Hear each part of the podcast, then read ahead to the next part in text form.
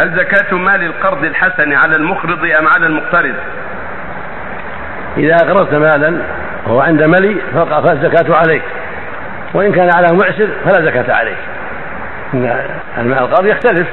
إن كانت أعطيت إنسانا ملي مئة ألف مئتي ألف أكثر أقل وهو ملي متى طلبت أعطاك. ملي باذل مو مماطل ملي باذل هذا الزكاة عليك. وهو يزكي ما عنده.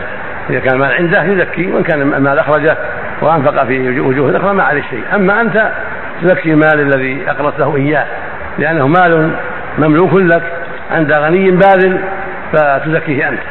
أما إن كان عنده معسر أو عنده مماطل فليس عليك عليك الزكاة نعم.